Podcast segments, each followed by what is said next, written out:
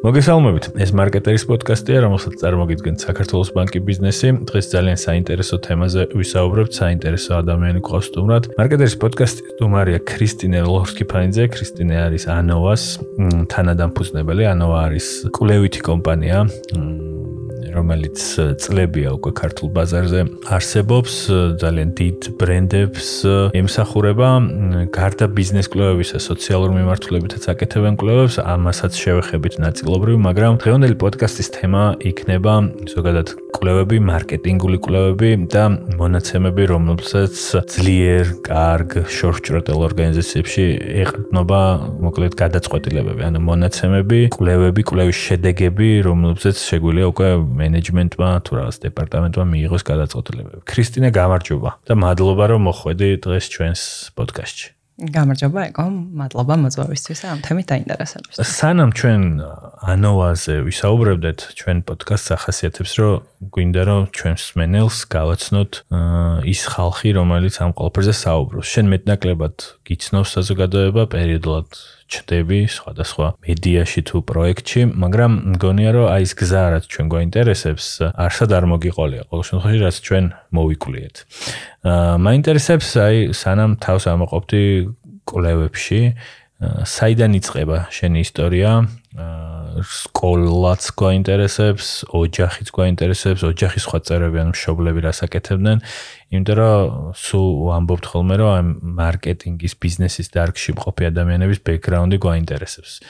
სამედიცინო მიმართულებით რო გქონდეს პოდკასტი, ალბათ უმეტესი სტუმარი გვეთყოდა რომ მისი მშობლებიც, ბებია, ბაბუაც ექიმები იყვნენ, იმიტომ რომ ეს მოსდგამს მათ, მაგრამ საქართველოს სადაც ზოგადად სიახლეა რასაც ქვია ბიზნეს სამყარო, ნუ სიახლე ითვლება, იმიტომ რომ რაღაც წინა თაობებთან შედარებით, სულ მაინტერესებს ეს აი საიდან იწყება დაინტერესება შენი კვლევების მიმართულებით. მოდი, მაშინ დავიწყებ სან ოჯახზე მოგვიყვება და სკოლაზე და სადიზდებოდი. აა ოჯახში არავინ არ არის ბიზნესის მაინდსეტის მქონე. აჰა. დედა მყავს პედაგოგი, განათლება აქვს მათემატიკოსია, მოკლედ დედა ჩემი და მათემატიკას ასწავლის სკოლაში. მე მგონი 35 წელია უკვე. და ვარ მათემატიკოსის შვილი და მათემატიკა ამიტომ ძალიან მიყვარს. და მამა მყავს მშენებელი ინჟინერი, რომელიც აკუნიდან მშენებლობაშია და მის სახელს ან დიდი ობიექტები, რომელსაც დღეს თბილისში ვხედავთ, უკავშირდება ამ ობიექტების, ასე ვთქვათ, სამშენებლო შემოქმედი ყოფილა.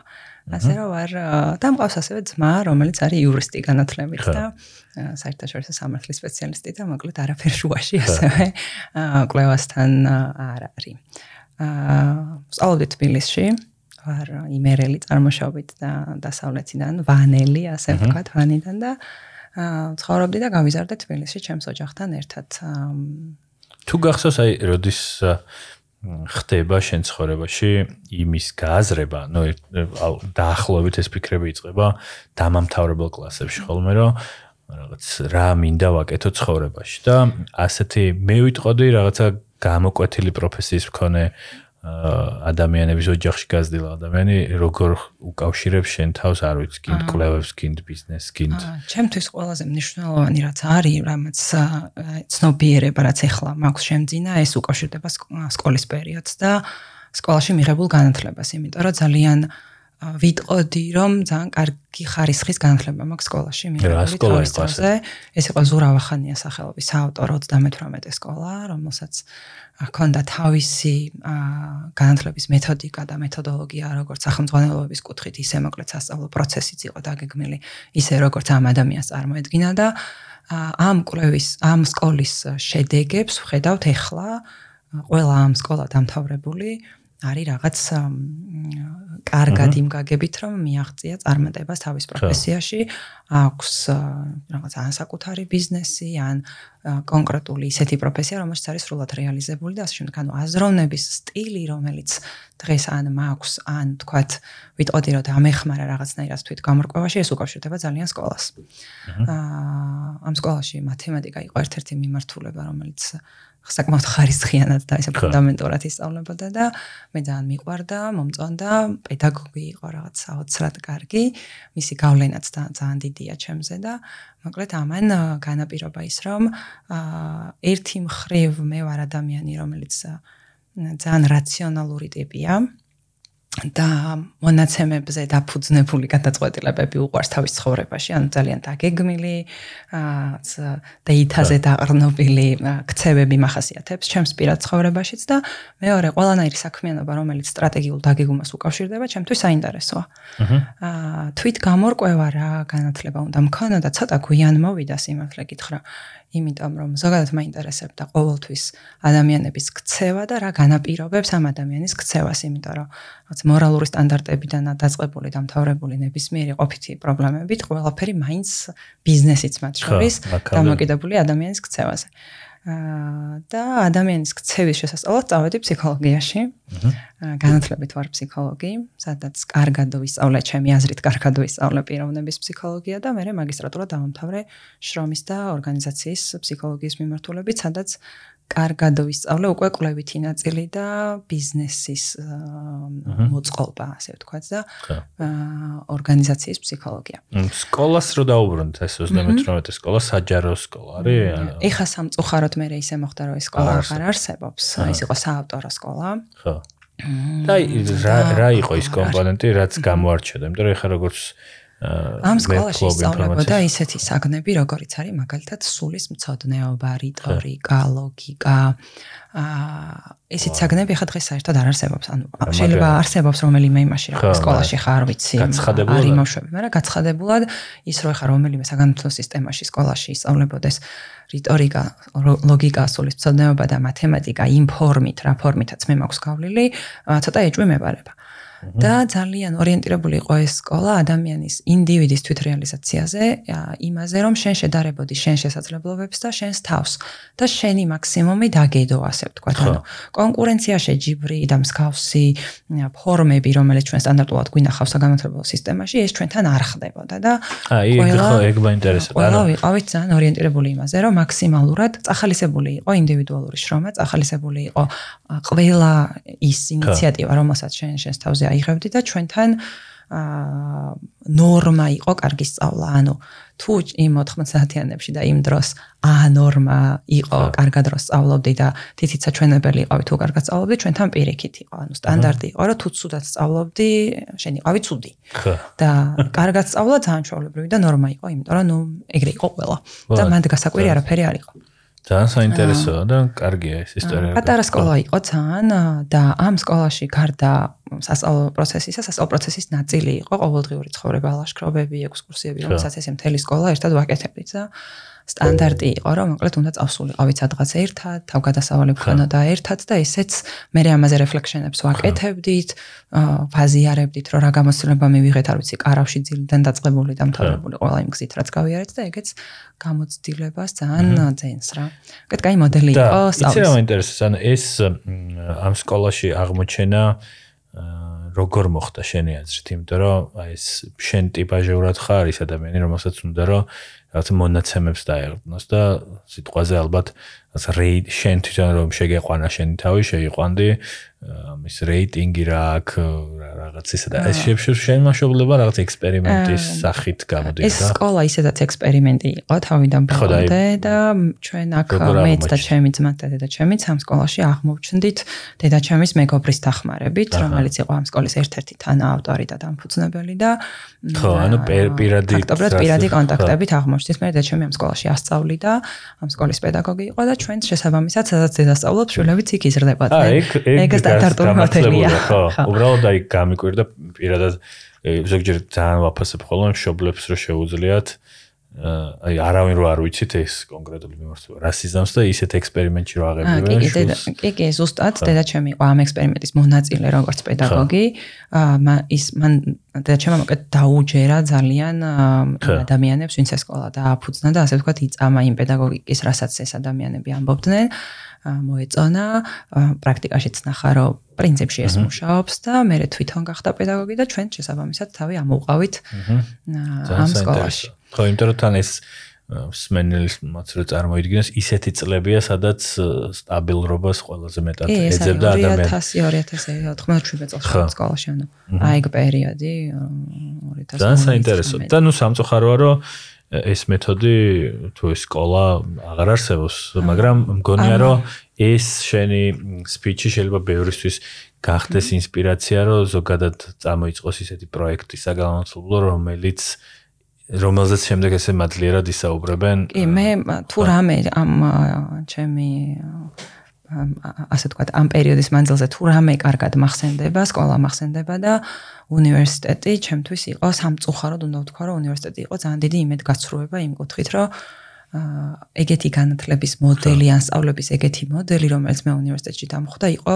სრულად აცდენილი იმასთან, რაც რეალურად გამოვლილი მქონდა და ძალიან გამიჭირდა ადაპტაცია მოკლედ იმ მოდელთან, რაც მე ჯავახიშვილის უნივერსიტეტში სოციალურ და პოლიტიკურ მეცნიერებათა ფაკულტეტზე დამხვდა. და ცოტა ისე ვიყავი. მოკლედ ძალიან გამიჭირდა. არ მესიამონა მაგ პროცესის გავლა. მოლოდინებისა და რეალობის გეფი, ანუ იმას რომ გამოვაკლოთ მოლოდინებს. ისა რეალურად მიიღე სტატისტიკა, რომელსაც მე ვსწავლობდი პირველ კურსზე უნივერსიტეტში, ეგ უკვე სკოლაში მქონდა გავლილი, ან პოლიტიკური იდეოლოგიების სკოლაში მქონდა გავლილი, ნუ ბევრი რაღაც, რომელიც ადამიანის აზროვნებისთვის და ზოგადი განათლებისთვის არის საჭირო, ეს ყველაფერი იყო შემოტანილი ჩვენთან სკოლის პროგრამაში. და ხო კიდევ ერთხელ გავიმეორებ, რომ გქონდა ისეთი საგნები, რომელიც აზროვნების განვითარებას უწყობდა ხელს და ლოგიკა და რიტორიკა ისწავლებოდა ძალიან აქტიურად.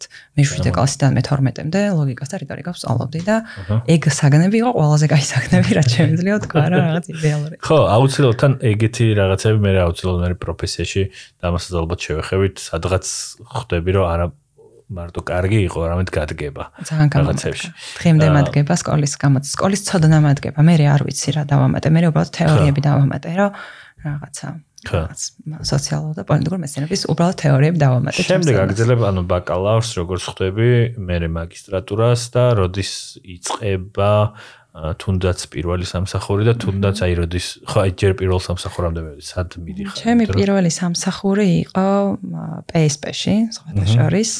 ადამიანური რესურსების მართვის განყოფილებაში და მან საკმაოდ კარგი გამოცდილება მივიღე კორპორაციაში მუშაობის და მოდელი კორპორაცია ვთქვათ როგორ მუშაობს, ბიზნესი როგორ მუშაობს და რა არის საერთოდ ეს ბიზნესის სფერო, იმიტომ რომ კიდევ ერთხელ განათლებით ვარ სოციალური მეცნიერებებით, ტიპაჟიც რაღაც სოციალური მეცნიერებების და მსგავსი ტიპის სოციალური საკითხები ძალიან მაინტერესებს და ბიზნესი ჩემთვის შემოვიდა პირველად ამ სამსახურში ბიზნესის გაგება, ასე ვთქვათ, რა არის ბიზნესი. და მან აღმოვაჩინე საერთოდ რა არის ეს ბიზნესი ზოგადად საზოგადოების მოწყობაში, რა როლი გააჩნია ბიზნესს და მან დავიწყე აქტიურად ფიქრი იმაზე, რომ აა ბიზნესის მიმართულება და დარგი საერთოდ რა რა უპირატესობები აქვს, რა ნაკლოვანებები აქვს და რა საჭიროებები გააჩნია დღეს ბიზნესს და აა კვლევებით ვიყავი უნივერსიტეტის დროსაც დაინტერესებული აა როგორც ასე თქვა პრაქტიკული ისე აკადემიური კვლევებით და ძალიან ყოველთვის მომწონდა ნებისმიერი საკითხის შესწავლის თუ წაკითხვის დროს ინსაიტი, რომელიც მოდიოდა რაღაცაზე დაყრდნობით, ანუ რაღაც მონაცემზე დაყრდნობით. და ვთქვა თუ რაღაცა მოცემულობა ეწერა აქსიომასავით, მაგას ყოველთვის შეკითხვის ნიშანს ყოველთვის ვავდი, რომ აი საიდან მოდის ეს და რა ლოგიკური წანამძღვრები არსებობს იმისთვის, რომ ეხა ვიღაცამ ეს დასკვნა გამოიტანა. და ამ ლოგიკური ესეც სკოლა მომცა სხვათა შორის, რომ ლოგიკური წანამძღვარი იმისთვის, რომ რაღაც დასკვნა გამოიტანო, მასეთი აზროვნების სტილი მაქვს ჩამოყალიბებული და ეს ლოგიკური წანამძღვარები ყოველთვის რაღაც მონაცემს ეყრდნობოდა და ამ რაღაც მონაცემებმა მე მიმიყვანა კვლევამდე, რომ მოდი ვიკულიო. შეიძლება არ მაქვს საკმარისი ლოგიკური წანამძღვარები და მოდი ახლა მე მოვიპოვებ შესაბამის დატას იმისთვის, რომ მე რაღაც დასკვნამდე გავიდე. და ეს დასკვნის კომპონენტი იყო ყოველთვის ის, რომ ამას უყურებდი როგორც ასე ვთქვათ ნიშნულოვან მონაცემიდან მიღებულ გადაწყვეტილებას. აჰა. ძალიან საინტერესო. მაგრამ დასკვნა ჩემთვის იყო ძალიან ისეთი ჭორაობა, აგერ სამზარეულოში რაღაც ეგეთი. აა ხო, ადამიანური ანუ HR დეპარტამენტი გასაგებია, მე და პარალელურად კვლევის ინტერესი გაგაჩნია HR დეპარტამენტში. მე დავიწყე კვლევის კომპანიაში მუშაობა. აა ერთ-ერთ ბრიტანულ კომპანიაში მუშაობდი ცოტა ხანი სტაჟორად, აქედან, შორის 2012 წელი იყო ეგ როცა მე ვმუშაობდი აქე საქართველოსდან remotely ასე ვთქვათ. Before it was cool. ხო, before it was cool მე ვმუშაობდი ჯერ კიდევ მაგ დროს ეგ მაგან მომცა კარგი ცოდნა. ნუ იქ სტაჟირების ეტაპი იყო და ისეთი მოკლევადიანი სამსახური იყო. კვლევაზე რამე? თუ? აა, მანდაც კვლევაზე და მან იყო ზუსტად ეს ბიზნესის გამოცდილება და მე უკვე ACT-ში ვმუშაობდი. აა, კვლევების მიმართულებით ვიყავი რაღაც ბიზნეს კვლევების ანალიტიკოსი რამდენიმე წელი.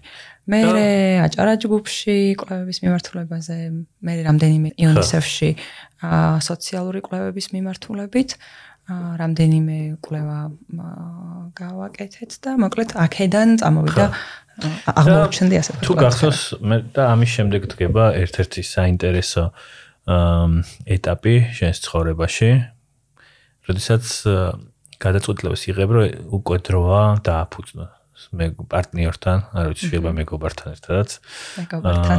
მეგობართან და პარტნიორთან, დღეს უკვე პარტნიორთანაც ერთად კომპანია, რომელსაც ერქმევა Anova, რომელიც იქნება კვლევითი კომპანია. საიდან ჩდება ეს იდეა, როდის გრძნობ რომ ამის თავი და ენერგია გააქვთ და ყველაფერი გამოვა. იმიტომ რომ ხო, ანუ იმიტომ რომ ხვდები რომ რაღაცა მონაცემიც გჭირდებოდა, ანუ დარწმუნებულობა გჭირდება შენ რომ ეგ მიხვდე რომ ამას რო გადავდგამთ რაღაცა იქნება. ხო, თან მიჭირს იმის თქმა რომ მე მაშინ არ ვიცი რატომ იყო ანის თავდაჯერება ან რაღაც თავხედე რატომ იყო რომ მე ამას შევძლებდი.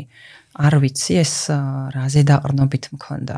იმიტომ რომ ცოტა იქ გაცნობიერებული კარგად არ მაქვს რა იყო ის რამაც ჩემს თავში გადამაწყვეტინა რომ კი კაცო ყველაფერი გამოვა ამ ნაწილში და ძალიან საკმაოდ მაღალი ასე ვთქვათ თანამდებობიდან წამოვედი უარი ვთქვი და დავიწყე სრულად ნულიდან ყველაფერი ჩემს პარტნიორთან ერთად. რაშიც ძალიან კარგად ვარ დარწმუნებული არის რომ პარტნიორში ძალიან გამიმართლა. რაზე ფიქრობთ მაშინ? ესე ხო? გამოვიყენებ აი თქვენის გაკეთება რა თქინდოდათ რატო აი იყო ამის სურვილი. თუ აი რაღაცა მომენტი ან ერთი საუბარი ან რაღაც ხო არ გახსოვს როდის თქვით რომ ესეთ მაშინ ჩვენი უნდა გავაკეთოთ აი როგორ მიხვედით ამ დასკვნამდე? ამ დასკვნამდე მივედით ისე რომ ერთიც და მეორეც მე მგონი ორივე დამოუკიდე ორივე ერთნაირი ბექგრაუნდის ხალხი ვართ. ორივე სოციალური მეცნიერებებიდან მოვდივართ ორივე სკოლა გვაინტერესებს ორივე მონაცემი აგვანთებს ერთნაირი ის გვაქვს. და მე მგონი აქ აქ ამოყავით თავი იქედან რა ვთქვით რომ აა ეს არის მომავლის საქმე, ეს დღეს გასაგებია რომ კვლევას ძალიან უჭირს, გასაგებია რომ ბიზნესი მის გაგება რომ კვლევა სჭირდება დღეს ცოტა წირია და ცოტა მიმართულებით სამუშაოა, პლუს დაემატა ის რომ მე აკადემიურ სივრცეში ამოყავი თავი როგორც ლექტორმა ამ დროს და ხედავდი იქ რომ მდგომარეობა იყო და ვთქვით რომ მოდი თუ ამ სფეროში რამის გაკეთება გვინდა, ბარემ ჩვენი გავაკეთოთ და ეს არ იყოს ჩაკარგული ის თავის კომპანიაში თავის დამსაქმებელთან, მე ჩემს დამსაქმებელთან, ესე კი არ შევხედეთ, მოდი თუ რამე შეგვიძლია და რამის ასე ვთქვათ, რესურსი ანალიტიკური გაგვაჩნია ამ სფეროში, ჩვენც ჩვენი სიტყვა ვთქვათ. რაღაც დაახლოებით ესე იყო, რა რო გითხრა რომ ამაზე ან ბიზნეს მოდელი შევქმენით, ან ბიზნეს გეგმა დავსახეთ, ან რამე სტრატეგია გქონდა თავიდან არაფერი. უბრალოდ ვთქვით რომ მოდი გავაკეთოთ და ჩემი პარტნიორის სახლი იყო ჩვენი ოფისი თავიდან. არაფერი ის არ გქონდა. განსაკუთრებული. განსაკუთრებული მართლა. მან დიხაშებოდა ყველა იდეა. როგორ დაიწყო ეს ყველაფერი? თავიდან რომ დაჯექით სახში. ყავდათ დამკვეთები პარტნიორები თუ მეორე რაშიც ძალიან გაგვიმართლა. გაგვიმართლა თუ გვენდნენ არ ვიცი რომელიც ტყაჭობია რომ გამოვიყენო. არის ის რომ რამდენიმე კომპანია რომელსაც დღემდე აქტიურად თანამშრომლობთ ენდო ჩვენ კომპეტენციას. და მოგცა პირველი კონტრაქტი.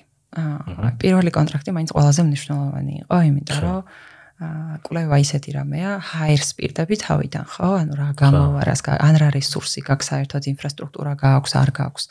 ინტერვიუერი, რომელიც ინტერვიუს ჩაატარებს, ყავს, არ ყავს, ანუ ეს თვალში, ასე თქვა, დასანახი არ არის, ხო? ანუ ეს არ არის რაღაც ნივთი, რომელსაც დაანახებ ადამიანს და გააგებინებ რა ნივთი ალაპარაკი და იყიდეს, ხო? ანუ მთლიანად თავაზობდით კონკრეტულ მომსახურებას, მონაცემების უზრუნველყოფას, ოღონ ნუ ჯერ კონტრაქტი გვინდოდა და ეგ ეგ იყო დიდი გამოწვევა, მაგრამ აი გვენდდნენ რასაც ქვია და ამან უზარმა ერთი მხრივ უზარმაზარი мотиваცია იყო და მეორე მხრივ ნუ ჩვენთვის ასე ვთქვათ პირველი სამუშაო რაც მივიღეთ.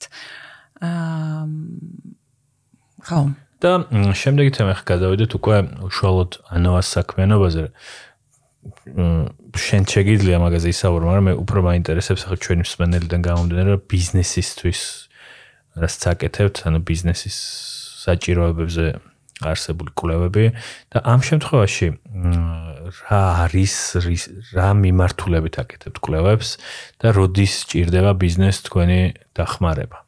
თქვენ შენი აზრით, იმიტომ რომ დაწუნებული რომ ისეთი ბიზნესების გვისმენენ, რომელსაც მიაჩნია რომ ან კვლევას აკეთებს, ან თვითონ აკეთებს, ან დაფუძნებელი აკეთებს რაღაცა კვლევის მაგვარს. აა როდის უნდა როდის ჭირდება მოკლედ ბიზნეს საშუალოს თუ სხვილს თუ სტარტაპს თქვენი სერვისები. ну კვლევითი კომპანიის. კაი, მოდი ცოტა შორიდან დავიწყებ ანოვაზე ვიტყვი ორ სიტყვას. აა ანოვა არის კვლევითი კომპანია და ჩვენ ვამბობთ, რომ ჩვენ ვიცით კვლევა. აა და ჩვენ კვლევა ვიცით კარგად. ну საუკეთესოდ. ხო. აა ჩვენ ვართ ადამიანები, ხო. ჩვენ ვართ ადამიანები, ვინც აა აა ვისაც ესმის კვლევის მეთოდოლოგიები, ესმის მონაცემის მოპოვების გზები და ესმის მეરે ამ მონაცემს როგორ მიიტანს ასე ვთქვათ ბიზნესამდე. ანუ პრეტენზია რაზეც გვაქვს, გვაქვს უსტათ მაგაზე, რომ კვლევარე, კარგი მკვლევარები ვართ და კვლევის აუთსორსინგი თუ ვინმეს უნდა დღეს, გვინდა რომ ძალიან მოგმართონ.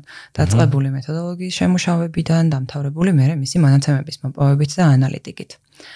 ვინც არ ვართ, ასევე ამასაც გავუსვავ ხას, იმიტომ რომ ხშირად არის ხოლმე დღევანდელი რეალობა, რომ გვიკვეთავენ და კონსალტინგს გთხოვენ, არ ვართ კონკრეტული სფეროს ან მიმართულების კონსულტანტები, როგორიც არის მაგალითად ბრენდინგის კონსულტანტი ან მარკეტინგის კონსულტანტი და ამ მიმართულებაში საერთოდ არ შევდივართ ან მენეჯმენტის კონსულტანტი და არ მიუხედავად იმისა, რომ კვლევას ვაკეთებთ, მაგალითად მარკეტინგ კვლევას ვაკეთებთ, ეს არ ნიშნავს, რომ მარკეტინგ კონსულტაციასაც ვაკეთებთ და რამე გავცემთ ასე ვთქვათ, დიდ საკონსულტაციო რეკომენდაციებს ეს ესე არ არის ამას შესაბამისი სპეციალისტები ამუშავებენ მერე და აკეთებენ, ხო? ჩვენ რასაც ვაკეთებთ, არის კვლევაზე დაფუძნებულ რეკომენდაციებს გავცემთ, მონაცემების უკან რა ჩანს, მაგას გავცემთ თორე ცხადია იმის იქით მერე ხა კომპანიამ რა როგორ უნდა გამოიყენოს და როგორ გადაამუშავოს, ხო? ხო, ეს არ შეუძლია კვლევით კომპანიას უთხრას, იმიტომ რომ კვლევით კომპანიამ არ იცის არც იმ კომპანიის რესურსები, არც მისი არც ფინანსური, არც ადამიანური, არც მისი ხედვები და სტრატეგიები ეგრე საფუძვლიანად, რომ ზემოდან კიდე კონსალტინგი აკეთოს. ამიტომ ჩვენი კომპეტენციები მოკლედ იქ მთავრდება, სადაც კვლევაზე დაფუძნებულ რეკომენდაციებს გავცემთ და ნუ მე გამოვდივართ. აღარ ვემუჩქრებით. ახლა ის სერვისებიც გითხარი, აი რა სიკლევან, აი რა რა მიმართულების გამოკვლევა, ცოტა ისეთ ისეთი ხალხი წარმოვიდგინოთ, ისეთი ბიზნესები, რომელსაც საერთოდ არ ჩაუტარებია და აი დაახლოებით რაღაცა მარტივ ენაზე რა ახსნათ ეს. აა თქვათ რომ ანავას აქ დღეს ორი ძირითადი მიმართულება, ერთი არის ბიზნეს კვლევა და მეორე სოციალური კვლევა. დღეს სოციალურ კვლევაზე არ ვლაპარაკობთ. აა და ეს თუმცა სიმართლე რომ გითხრა ესენი კავშირშია ძალიან ერთმანეთთან რა და თუ ლაპარაკობთ იმაზე რომ მარკეტინგულ კვლევაში მომხმარებელი გაინტერესებს და მოსახლეობა არის ხო მომხმარებელი მოსახლეობა გაინტერესებს მოსახლეობა რეაგირებს ნებისმიერ სოციალურ თემაზე იმიტომ რომ ის არის სოციალური არსება და ადამიანი არის სოციალური არსება ყველა ის სოციალური საკითხი დაწყებული კონფლიქტებით გენდერით პოლიტიკური მდგომარეობით თუ ასე შემდეგ გავლენას ახდენს მერე ბიზნეს სამომხმარებლო ქცევაზე. ამიტომ ეგეთი გამიჯვნაც არ არსებობს რომ მოდი ახლა სოციალური კვლევა არ გვინდა და მარტო ბიზნესი მაგრამ მოდი ველაპარაკოთ ბიზნესის საჭიროებებზე და მარკეტინგ უკვლევებზე. აა რაში შეიძლება გამოვადგეთ ხო ბიზნეს ანუ დაწყებული კვლევის ადგილი პირველ რიგში არის იქ სადაც არსებობს სტრატეგიული მარკეტინგი. და სტრატეგიული ბიზნესის განვითარება. თუ სტრატეგიული მარკეტინგი არ არსებობს, აა იქ რომ კომპანიამ ასე ვთქვათ, მონაცემებზე დაფუძნებული გადაწყვეტილებები მიიღოს, ცოტა ძნელად წარმომიდგენია რა. ასეთ დროს კვლევა უბრალოდ კვლევისთვის კეთდება ხოლმე და მე იმას გამოყენება ხშირად არ აქვს და ასეთი მაგალითებიც გქონია. აა მაგრამ თუ კომპანიის ხედვა არის რომ მოდი სტრატეგია გქონდეს და სტრატეგიულად ვიაზროვნოთ, ასე ვთქვათ, მონაცემზე დაფუძნებული გადაწყვეტილებები მივიღოთ, რაც არის კომპანიის აზროვნების სტილი და მენეჯმენტის აზროვნების სტილი, აი იქ უკვე არის კვლევის ადგილი, ხო? ადგილი. აჰა. დაწყებული პროდუქტების შექმნიდან ან სერვისების შექმნიდან დამთავრებული მომხმარებლის retention-ამდე ყველგან შეიძლება იყოს კლავის საჭიროება, ხო? ანუ თუ რაღაცა 4 კომპონენტად გავყოფთ ამ მარკეტინგს რაღაც ცნობადობის გაზრდა, ტარგეტირება, აა მომხმარებლის მოზიდვა და მერე მისი შენარჩუნება, აი ამ სტილში თუ ვილაპარაკებთ ბიზნეს დეველოპმენტზე, მაშინ აა ყველგან აქ ყველაფერს თავთავისი კვლევა ჭირდება, ხო? ანუ პროდუქტს თავისი კვლევა ჭირდება, აა ცნობადობას და ბრენდის awareness თავისი კვლევა ჭირდება, მომხმარებლის კმაყოფილებას თავისი აა კვლევა და შესაბამისი მხარდაჭერა ჭირდება კვლევითი და მოკლედ ყველგან შეიძლება ვნახოს ჩვენი ადგილი, ოღონდ. როგორც წესი ყოველთვის არ გჭირდება მონაცემი შენ როგორც მარკეტერს ან შენ როგორც ბრენდის სპეცი რაღაც მონაცემები შიგნით გროვდება ორგანიზაციაში და შეიძლება აუთსორსის დახმარება საერთოდ არ დაგჭირდეს მაგრამ ან მხოლოდ ანალიზში დაგჭირდეს კი ბატონო შეიძლება.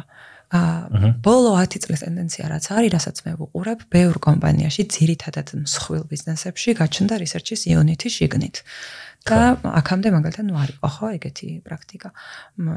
და ეს research-ის unit-ი შეგნით იმდენ მონაცემს აგროვებს და თავისით იმდენს გადაამუშავებს რომ ეხა აუთსორსის ადგილი შეიძლება აღარც იყოს და საჭიროება ხო? იმიტომ რომ საკმარისი მონაცემი გქონდეს შეგნით მაგრამ ისეთ კომპანიებში სადაც ახლა ამის ფუფუნება ან შესაძლებლობა არ არის რომ შიგნით ყავდეს შესაბამისი გუნდი და შიდა დატა მოაგროვა მაგ დროს მიმართავ მოკლედ gare კომპანიებს რომელიც უზრუნველყოფენ მონაცემების მოპოვებას და ანალიტიკას. ზოგჯერ მე მგონი შიდა რესურსიც ამოწურვადია რა იმიტომ რომ თუ დიდია ორგანიზაცია იმდენი რამის კვლევა შეიძლება კი რაც არ უნდა რასაც პარალელში კი ნებისმიერ შემთხვევაში სამომხმარებლო ბაზრის კვლევაზე რო ვილაპარაკოთ შიდა რესურსით შეუძლებელია კონკურენტები იკლიო შეუძლებელია რა ვიცი მაშინ უნდა გქონდეს კვლევითი ინფრასტრუქტურა აწყობილი და შესაბამისი ადამიანური რესურსი უნდა ყავდეს მობილიზებული და ანუ შიდა კვლევითი კომპანია უნდა გქონდეს. ამის ფუფუნება დღეს საერთოდ არც საჭიროება არ არის ამისი და არც არავის არ აქვს ხო? აა შიგნით ვინც არსებობს კვლევითი იუნიტები მათი ძირითადი ფუნქცია არის ის რაც დღეს ძალიან დეფიციტია ხოლმე ბიზნესსა და კვლევით კომპანიას შორის, რომ მათ ერთი მხრივ სწორი ბრიფი გასცენ, რაც იგულისხმება, რომ ბიზნეს ამოცანები და ბიზნეს აა ასე ვთქვათ, საჭიროებები სწორად ითარგმნოს კვლევის ამოცანებად და კვლევის საჭიროებებად. ყველაზე დიდი გამოწვევა დღეს მარკეტინგ კვლევებში სწორედ აქ არის. რომ ბიზნეს საჭიროებების გადათარგმნა კვლევით ნაწილში რთულად ხდება და მე კვლევის და მონაცემების თანხwebdriver ბიზნეს საჭიროებებთან თითქოს არ არის ხოლმე. ამიტომ ამ იუნიტების ერთ-ერთი მთავარი ფუნქცია სწორედ ეგ უნდა იყოს, რომ gare კომპანიამდე სწორად მივიდეს შესაბამისი მოთხოვნა და ამოცანა. ან პირიქით gare კომპანია რა მონაცემსაც მოგაწუდის, მისი შესაბამის stakeholder-ებამდე მიტანა, ასე ვთქვათ, სწორად მოხდეს, ხო, უკან გუნდში. აა ეს არის დღევანდელი პროცესი. თუ დავყოფთ ახლა ქართულ ბიზნესს ასე თქვა რაღაც მე ყოველ შემთხვევაში სამ ჯგუფად ვყოფ. სხვილი ბიზნესები ყავს, SME ყავს და სტარტაპერები ყავს. დღეს მოთხოვნა კვლევაზე ძალიან აქტიურად აქვს მსხვილ ბიზნესს. და მსხვილ ბიზნესში არის იმის გაგება, თუ რა უპირატესობები გააჩნია მონაცემებზე დაფუძნებულ გადაწყვეტილებებს და რა შეჭirdებათ მომხმარებლის კვლევა. ბაზრის ანალიზი, პროდუქტის განვითარებისთვის შესაბამისი კვლევების გაკეთება, სერვისის კვლევა თუ ასე შემდეგ. აა და ასე თქვა ჩვენი შეკვეთების ძალიან დიდი ნაწილი, ჩვენი ბრიფების ძალიან დიდი ნაწილი სწორედ მათგან მოდის. მეორე სეგმენტი ბიზნესში დღეს ვინც არის არის SME ბიზნესი, სადაც სტრატეგიული მარკეტინგის ძალიან სერიოზული დეფიციტია და მე არ გამომდის ახლა არ ვარ ამ დარგის სპეციალისტი და წარმომადგენელი, მაგრამ ჩემი ასეთი დილეტანტური ხედვით ეს ესე არის. თუ შეიძლება ეს ესე ხა მე შეიძლება ვწდებოდე, მაგრამ სტრატეგიული მარკეტინგი რომ SME-ში გამართული იყოს, ცოტა ნაკლებია რა. ჩემი შეგრძნებით ყოველ შემთხვევაში ეს ესეა. მე ვისაც ველაპარაკები. აა აქ არ არის ლაპარაკი მარტო მარკეტერზე, ხო? აქ ლაპარაკია ზოგადად ბიზნესის და მენეჯმენტის ხედვაზე მარკეტინგთან დაკავშირებით. ამიტომ სადაც თქვა სტრატეგიული მარკეტინგის ხედვა არ არის, იქ ძალიან გვიჭირს ვილაპარაკოთ მონაცემების მნიშვნელობაზე და ძალიან გვიჭირს ვილაპარაკოთ რა ტიპის კვლევები როდის განვახორციელოთ, იმიტომ რომ ესეთი კომპანიები ძალიან ხშირად ცდის და შეცდომის მეთოდით აკეთებენ ხოლმე სხვადასხვა ტიპის კამპანიებს, ბრენდინგს, პროდუქტის განვითარებას, გაყიდვას და ასე შემდეგ. ეხლა აქ რა არის პრობლემა? ცუდი არაფერი არაა თავისთავად იმაში, რომ მოდი ვცადოთ, შეგვეშალა თავიდან ცადოთ. ანუ აქ პრობლემა არის ის, რომ ამ დროს იმდენი ფინანსები და იმდენი რესურსი იხარჯება მარტო ფინანსური არა, ადამიანური, დროითი, რომ წესით ამ ბიზნესებს ამის ფუფუნება არ უნდა ჰქონდეთ, რომ ამდენი რესურსი ხარჯონ იმაში, რომ თუ რაღაც არ გამოვა, მე რო თავიდან დავიწყოთ. აა და კვლევა ზუსტად ამ საჭიროებას აგვარებს, რომ აა ასე ვთქვათ, შეცდომების მინიმუმზე დაყვანა შეუძლიათ. მარკეტინგული შეცდომების, მარკეტინგული გათვლების, ბრენდინგში შეცდომების, კამპანიებში შეცდომების, მომხმარებელთან კომუნიკაციაში შეცდომების მინიმუმზე დაყვანა არის შესაძლებელი კვლევით. აი ეგ არის კვლევის მთავარი, ასე ვთქვათ, ხიბლი ზუსტად, ხო, სხვა დეტალებში რო არ შევიდეთ. ხო და შემდეგი ჯგუფი ბიზნესის არის სტარტაპი. სადაც ვიტყოდი რომ ძალიან დიდი მოთხოვნა კლევით კომპონენტებზე, მაგრამ მათ აქვს ძალიან ესეთი სპეციფიკური საჭიროებები, რომ კონკრეტული პროდუქტის განვითარების ან სერვისის განვითარების ეტაპზე არიან და მაგ ნაწილში სჭირდებათ რაღაც ძალიან კონკრეტული კვლევა, რომ მოდი პროდუქტი ან მისი პოტენციალი ვიკვლევთ მარკეტზე, ხო? ან იდეის ტესტირება იქნება ეს თუ ასე რომ გავაკეთოთ ხო ასე რომ გავაკეთოთ რა იქნება? ანუ პოტენციალი რა დაიტესტოს მოკლედ ამათ ეს ხშირად სჭირდება ძირითადად ინვესტორებისთვის ხოლმე. აა ან თუნდაც პროდუქტი გაამჯობესო ხო რაღაცა. ან იმ გადაწყვეტილებებში საერთოდ ღირს თუ არა ამ პროდუქტში ინვესტირება, ან მაგალითად არ ვიცი, კონკრეტულად რა შეცვალონ, ხო? აა აქაც ვიტყოდი რომ და შემისი რა ქვია მოთხოვნების ძალიან დიდი ნაწილი მოდის ცოტა ტექნოლოგიურ პროდუქტებზე. აი მაგალითად ეს ძალიან უკავშირდება ტექნოლოგიების განვითარების სფეროს ცალსახად. აა და ტექნოლოგიურ პროდუქტებშიც აა მოთხოვნა არის რომ თვითონ პროდუქტი როგორ გავაუმჯობესო რომ იყოს მომხმარებელ უფრო მეტად user friendly, უფრო მეტად მორგებული მის საჭიროებებზე რომ რაღაცა კარასტორად შევძლო მე შესაბამისად ტარგეტირება შესაბამის მიზნობრივ ჯგუფზე. აა ეს არის სულ დღევანდელი ქართული ბიზნესი, ასე ვთქვათ, რა ტიპის დაკვეთებს აკეთებს. თუ შინარში შევალთ, შინარში შეგვიძლია ვთქვათ. ხო, შინარსის ნაწილი მე უფრო მაინტერესებს თვითონ ეხა მინდა რომ ცოტა შენს ლექტორობასაც შევეხოთ, მაინტერესებს როდის მიხვდი რომ ეგეც კიდე აკეთო და რას ასწავლე ამჟამად და რამდენად დიდია ზოგადად კვლევებისად მინდა ინტერესება დღევანდელ ახალ თაობაში. ამ მე ვასწავლე უნივერსიტეტში, მე ვარ თავისუფალი უნივერსიტეტის ლექტორი და ვასწავლე 2017 წლიდან. თუმცა 2017 წლიდან დღემდე რამდენიმე უნივერსიტეტში მქონია კონკრეტულ სემესტრებში ლექციის წაკითხვის შესაძლებლობა და ბოლო 2 თუ 3 წელი უკვე აღარ, მაგრამ მაგ პერიოდში მოკლედ სხვა უნივერსიტეტებში აქტიურად ყოფილვარ. აა სამწუხაროდ უნდა ვთქვა ის, რომ დღევანდელი აკადემიური სივრცე აა ვერ ვერ დაიკვეხნის იმით, რომ აკადემიური კვლევა არის განვითარებული და აკადემიური კვლევა არის იმ ხარისხით, რა ხარისხითაც უნდა იყოს. ხო, ანუ კიდერბილად. მაქსიმალური სირფით. ხო, ანუ მე ვისურვებდი, რომ აკადემიური კვლევას კონდეს უფრო მეტი ხარისხი, უფრო ესეთი იყოს ფუნდამენტურ კვლევებს ეხებოდეს და პლუს აკადემიასა და ბიზნეს შორის იყოს კავშირი და აკადემია აძლევდეს მონაცემს ბიზნეს, მოსახლეობას, ასაჯაროებდეს სხვადასხვა ტიპის კვლევებს, მაგრამ სამწუხაროდ ამის რესურსები არ გაგვაჩნია. ამას ახლა ბევრი ახსნა შეიძლება ჰქონდეს და ბევრი მიზეზი, რატომაც აკადემია იტყვის, რომ კვლევით საქმიანობა ჩემთან არ არის იმ ხარისხით, რა ხარისხითაც არის, მაგრამ ნუ აა სასურველი იქნებოდა უფრო ფუნდამენტური და უფრო ხარისხიანი კვლევები კეთდებოდეს მოკლედ აკადემიურ სივრცეში. აა მე ზოგადად განათლება ძალიან მომწონს, ძალიან სიამოვნებს, ეგ არის სფერო, რასაც მიყვები აქტიურად და ჩემი კარიერის ნაწილია. აა ამ გადმოსახედიდან სიცოცხლის ბოლომდე ვაპირებ, ჯერჯერობით არ მინდა რომ განათლებას თავი დავანებო და აა ჩემთვის ეს არის პლატფორმა გინდა უნივერსიტეტი იყოს ან ნებისმიერი კონკრეტული კურსი, კონკრეტულ კონკრეტულ კურსებზე წაკითხვის გამოცდილებაც მაქვს და კვლევაზე ლაპარაკისაც. კურსი იქნება ეს თუ ნებისმიერი რაღაც ადგილი, სადაც შანსი მექნება რომ ვილაპარაკო კვლევაზე, ჩემთვის არის ძალიან მისაღები. ამას ხშირად ვაკეთებ მოხალისეობრივად, ხშირად ჩემი საქმიანობის ყოველდღიური საქმიანობის ნაწილია. აა და ძალიან სიამოვნებს მოკლედ. და საერთოდ მიმაჩნია რომ ცოდნის გაზიარება დაგროვილი ცოდნის გაზიარება ხა თავი არ მომაქვს, რაღაც ცოდნა დამიგროვდა უკვე კვლევის სფეროში და შინაგანი მოთხოვნილება მაქვს, რომ ეს გარეთ გამოვიტანო და ვიღაცებს მოუყვე და ვუთხრა, რომ აი ამან ეს რო გააკეთა, ესე მოხდა და გავაზია, რომ ასე ვთქვათ, ეს გამოცდილება კვლევითი. ზოგადად იცი რა მგონია, რომ ანუ არ მგონია, რომ ნებისმიერ ადამიანს კვლევის სიღრმეები უნდა იცოდეს.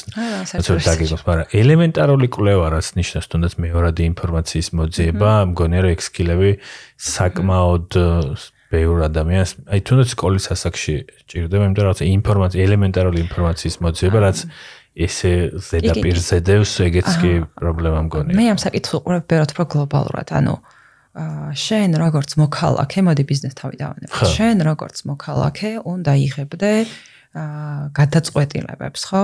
ნებისმიერ გადაწყვეტილებას არ ვიცი, ყოველდღიურ გადაწყვეტილებას. აა X მაღაზიაში შეხვიდე თუ Y-ში, სად იყიდო პროდუქტი, რომელი მთავრობა აირჩიო, ვის მისცე ხმა, აა რას დაუჭირო მხარი, რას რა გააპროტესტო. ყველა ყოველ წამიერად ჩვენ ვართ რაღაც გადაწყვეტილებების მიღების ეტაპზე, ხო? და ამ გადაწყვეტილებებს ჭირდება შესაბამისი არგუმენტი უკან, რატო იღებ ამ გადაწყვეტილებას. და ჩვენთან ყველაზე დიდი პრობლემა ზოგადად გლობალურად ქვეყანაში რაც არის ადამიანები არიან მონაცემებით манипуляციის მსხვერპლები. და რაღაც პოსტერს რო ხედავ, სადაც რაღაც ციფრი წერია, რა არის ეს? პროცენტი საიდან არის დათვლილი? ეგ თუ არ გესმის, ცალსახად შეიძლება შენ გახდე манипуляციის მსხვერპლი. ხო?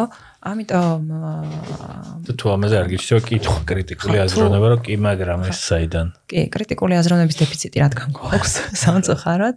ამიტომ კვლევა არის რაღაცნაირად საშუალება, რომ ადამიანს ვასწავლო და ვუთხრა, რომ კრიტიკული აზროვნება შეკითხვა უნდა დასვა, ის მონაცემი სწორია თუ არა და შეკითხვა უნდა დასვა, რომ გეუბნებიან, რომ რაღაცა გაიზარდა ამდენი პროცენტით, ეგ პროცენტი საიდან არის, როგორ არის, რამდენად სწორად არის დატამოპოვებული და ასე შემდეგ, ანუ შენი გადაწყვეტილება მე ამას ეფუძნება ბუნებრივია და სწორ განწყობილებას მიიღებ თუ არასწორ განწყობილებას ამაზეა დამოკიდებული.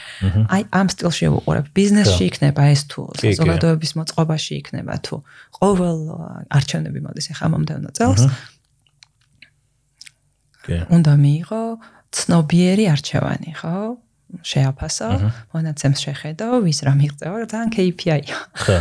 სტანდარტული, რომელსაც გჭირდება სწორი მონაცემის ქონა. ეხლა ეს მონაცემი როგორ მოაგროვო, რა მეთოდებით, მეორადი წყაროებით მოაგროვო თუ პირველადი წყაროებით, ეს არის ცალკე საგანი, მაგრამ მინიმუმ ის ხედვა, რომ სწორი მონაცემი გქონდეს, ეს უკვე დიდი მიღწევა იქნება, თუ მე განათლების სისტემაში ამ ამას შევიტან რამე ფორმით რა. კი.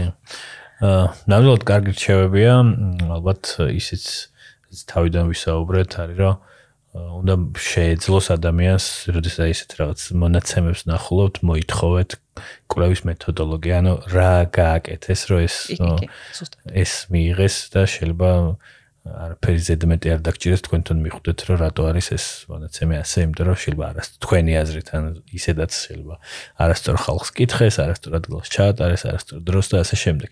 ქრისტინე კიდე ერთი თემა რაც მინდა ვისაუბროთ არის შენ ძალიან ახთოვანებით ყვები და პერიოდულად ახსენებს თქო ინსაიტს ინსაიტი არის კვლევის დროს რაღაც გარკვეულ მიგნებამდე მისვლა. შეიძლება შენ უკეთესად განმარტო შეიძლება მეტი გიფიქრია. ხო არ გახსენდება შენი კარიერის განმავლობაში ის მიგნებები, ინსაიტები, რომ მე მგონი ხა ერთ-ერთი არის თარგმნება ინსაიტი და მაპატიეს სვენელმა. თუ ინმე მიცით დაგვიკომენტარეთ. რაღაც მიგნებები, როდესაც აი გიამაყია, მოგწონებია შენი პროფესია, კითხვია, უი რა კარგია რა ქავარ, რამე ესეთი მიგნებები, თუნდაც ან სოციალური მიმართულებით, ან ბიზნესის მიმართულებით, კვლევის დროს რო ხვდები რა, ვა, რა მაგარია. რაღაც ხო არ გახსენდება რამე кейსი. ზოგადად რითიც ძალიან ვერთობი ხოლმე და სიამოვნებს ხოლმე რითი ერთობი ამ კლევარებს ამ კლევარებს ვერ ვილაპარაკებ ყველას თავის გასართობი აქვს მაგრამ მე რაც სიამოვნებს არის ძალიან ლონგიტუდური კლევები რაც რა იგულისხმება ხარო რაღაც საკითხს გძელვა და შირო სწავლობ ხო მაგალითად ესეთი თემები ჩვენ ქვეყანაში არის არის გენდერული საკითხები სტერეოტიპები და მსგავსი სოციალური თემები როგორ იცვლება თაობიდან თაობებს შორის და წლიდან წლამდე როგორ ვითარდება და როგორ ვხდებით ასე ვთქვათ ცივილიზებული სამყაროს ნაწილი ჩვენი აზროვნებით. აი ამაზე შემიძლია უსასრულოდ ბევრი ვილაპარაკო, ოღონდ ეს სამწუხაროდ ლევანდელი ჩვენი ფორმატი ამის საშუალებას არ გვაძლევს. და დაწყებულია ვიცი სადღაც 2000-იანი წლებიდან მოყოლებული დღემდე გვაქვს ამის მონაცემები ხო სხვადასხვა საერთაშორისო ორგანიზაცია ჩვენთან ატარებს ბევრ სოციალურ აი ამითი ძალიან ვერთობი ხოლმე როცა ხედავ სწორი კომუნიკაციის პირობებში როგორ იცვლება ადამიანების ღირებულებები და დამოკიდებულებები კონკრეტული საკითხების და მოვლენების მიმართ. მაგალითად ამის ძალიან კაი მაგალითი ჩვენ ქვეყანაში დღეს არის LGBTQ თემის მიმართ დამოკიდებულება როგორ პოზიტიური სკენი ცვლება და მიმღებლობა როგორ იზრდება ამ საკითხის მიმართ გენდერი, ქალთა მიმართ ძალადობები, ესეთი თემები არის. თემები, სადაც აა სოციალური განწყობები თან ბიზნესის ჭრილში თუ ვილაპარაკებთ, სადაც მე ძალიან ესე მისია მოვნია, ასე თქვა პროცესით, კვლევითი პროცესით არის, რომ კონკრეტულ ბრენდს თუ კი აქვს რაღაც ბრენდის საიმიჯო მახასიათებლები და პოზიციონირების გეგმა, რომ სჭირდება ეს საიმიჯო მახასიათებელი ჰქონდეს მომხმარებლამდე მიტანილი და მომხმარებელი აღიქვავდეს კონკრეტული მახასიათებლების მიხედვით. როგორ შეცვლილა სწორი კომუნიკაციის პირობებში განწყობები და როდესაც არაფერი არ იყო და ნული იყო რაღაცა წლის მერე, როცა იგივე ტიპის კვლევა გაგვიკეთებია, როგორ უთქვამს მომხმარებელს, რომ სწორედ ის საიმიჯო מחასიათებლები ახასიათებს, რომელიც ამ კომპანიამ სტრატეგიულად დაგეგმა, მე ამაზე იმუშავა, შესაბამისი კომუნიკაცია მართა, გააკეთა და მივიღეთ მოკლედ ის, რაც რაც თავიდან დაიგეგმა. ხო, აი ესეთი ინსაიტები ძალიან სიამოვნებს და ძალიან მაგდროს ვხედავ კლევის როლსაც, უპირატესობებსაც და შესაძლებლობებსაც, რომ თქვათ. ხო. რომ ვამბობ, რომ სტრატეგიული მარკეტინგის ნაწილია თქო და სტრატეგიული ბრენდინგის ნაწილია თქო, აი მან ჩანს ზუსტად ეგ ამბავი, რომ ადამიანის შრომა მარკეტერი იქნება, ეს თუ ბრენდის სპეციალისტი, მისი შრომა რაღაცით იზომება. და იზომება სწორედ ასეთი ტიპის აა კონკრეტული მიღწევებით, რომ შეუცვლია რაღაცების სფეროში. აა ხო, ბანკების кейსზე თუ ვიტყვით, ერთი 10 წლის წინ ბანკებისთვის თავარი გამოწვევა იყო ის, რომ მომხმარებლისთვის სანდო და აა სანდო ყოფილიყო და სანდოობის מחასიათებელი ხონოდა. დღეს საერთოდ აღარავინ სანდოობაზე აღარ ლაპარაკობს და ბანკებმა იმდენი ქნეს ამ თავისი კომუნიკაციით, რომ ბანკი დღეს ყველაზე სანდო ინსტიტუციად აღიქმება. ხო? ხო, კარგია. ხო, ძალიან კარგია და ბოლოსკენ რო წავიდეთ, მაინტერესებს რას ეთყოდი იმ ადამიანებს, რომლებიც ეხლა არიან გასაყარზე პროფესიის არჩევაში, მათ შორის მარკეტინგშიც, თუ მარკეტინგში არის ძალიან დაფასებული ყოველ შემთხვევაში სხვა ქვეყნებში პროფესია მარკეტინგული მკვლევარები, რომლებიც ორგანიზაციებში მუშაობენ და ეს ხალხი, ну, შეიძლება ხა ანოვა ამას არაკეთებს, მაგრამ მე ორგანიზაციაში გინდა სტრატეგიულ ნაწილშიც მონაწილეობენ. მე ზოგადად მგონია, რომ ნებისმიერმა მარკეტერმა კვლევა უნდა იცოდეს ძალიან კარგად, იმიტომ რომ ანუ მარკეტე მარკეტერი არ შეიძლება რაღაცა მარჩიელობდეს და მხოლოდ კრეატივის და რაღაცა იმის იმედად იყოს.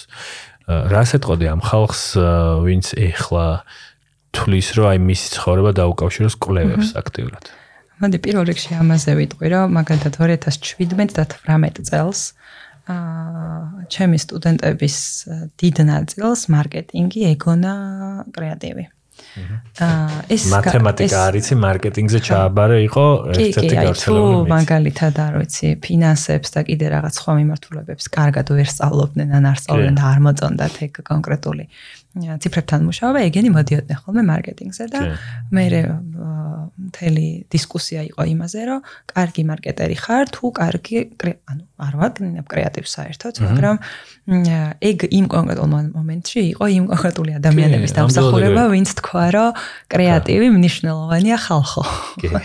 მე მე მოვიპოვე რაღაცნაირი ძალა, რომ მოდი მარტო კრეატივიც არ არის და იქნებ მონაცემებსაც მიაქციოს ყურადღება.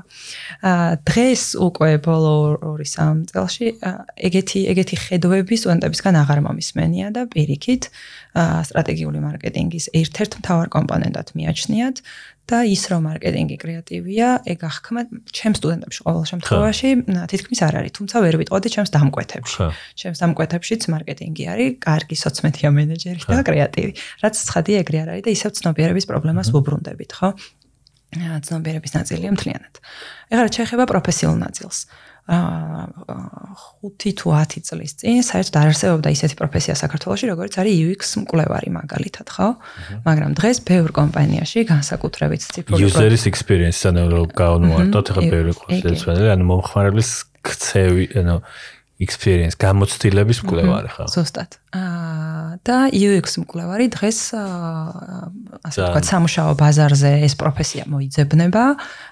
წავიდა ხალხი ისწავლა, იმიტომ რომ UX მკვლევარობას საქართველოში დიდად ესე ვერ ისწავლე, წავიდა ისწავლა, რაღაც კურსები აიღეს, დამატებით ანუ აკადემიურ დღევანდელ საუნივერსიტეტო სივრცეში ამას ვერ ისწავლე, იმიტომ რომ მის შესაბამისი არანაირი თეორიული ნაწილი არ არის, მაგრამ მილიონის პრაქტიკული კურსი არსებობს, შეგიძლია ონლაინ გაიარო ან სადმე სხვაგან. აა და გაჩნდა შიგნით კომპანიებში ეს კონკრეტული პროფესია, ხო? გაჩნდა მომხმარებლის კმაყოფილების მკვლევარები, ხარისხის მართვის ტიპები, რომლებიც ცალსახად ეს არის ისეთი სამუშაოები და ისეთი პროფესიების, რომელიც გულისხმობს კვლევის ცოდნას თავის თავში და კვლევაზე დაფუძნებით მე იქ შიგნით შიგნით პროცესების მართვას. ესეთი სამუშაოები გაჩნდა, ესეთი აა ბოლო რამდენიმე წლის შედეგია. რაც მიუთითებს იმაზე, რომ სამომავლო ტენდენცია ამ მიმართულებით განვითარდება, ხო? თუ შევხედავთ წლიდან წლამდე, კვლევასა და განვითარებაზე დახარჯული ფული ბიზნესში იზრდება.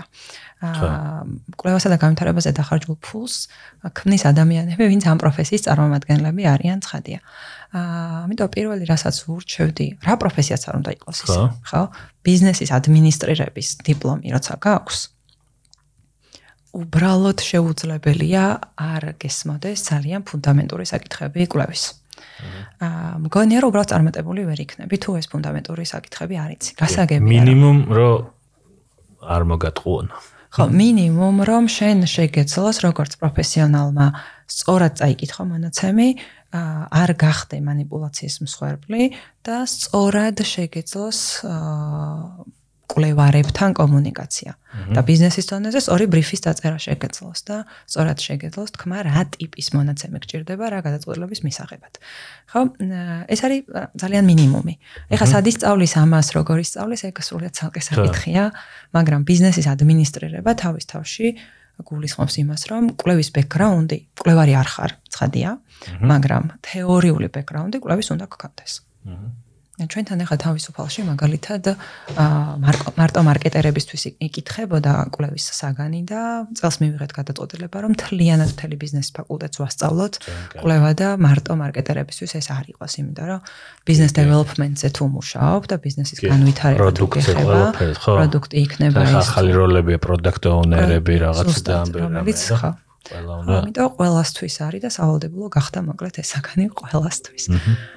ძალიან კარგი, ძალიან დიდი მადლობა.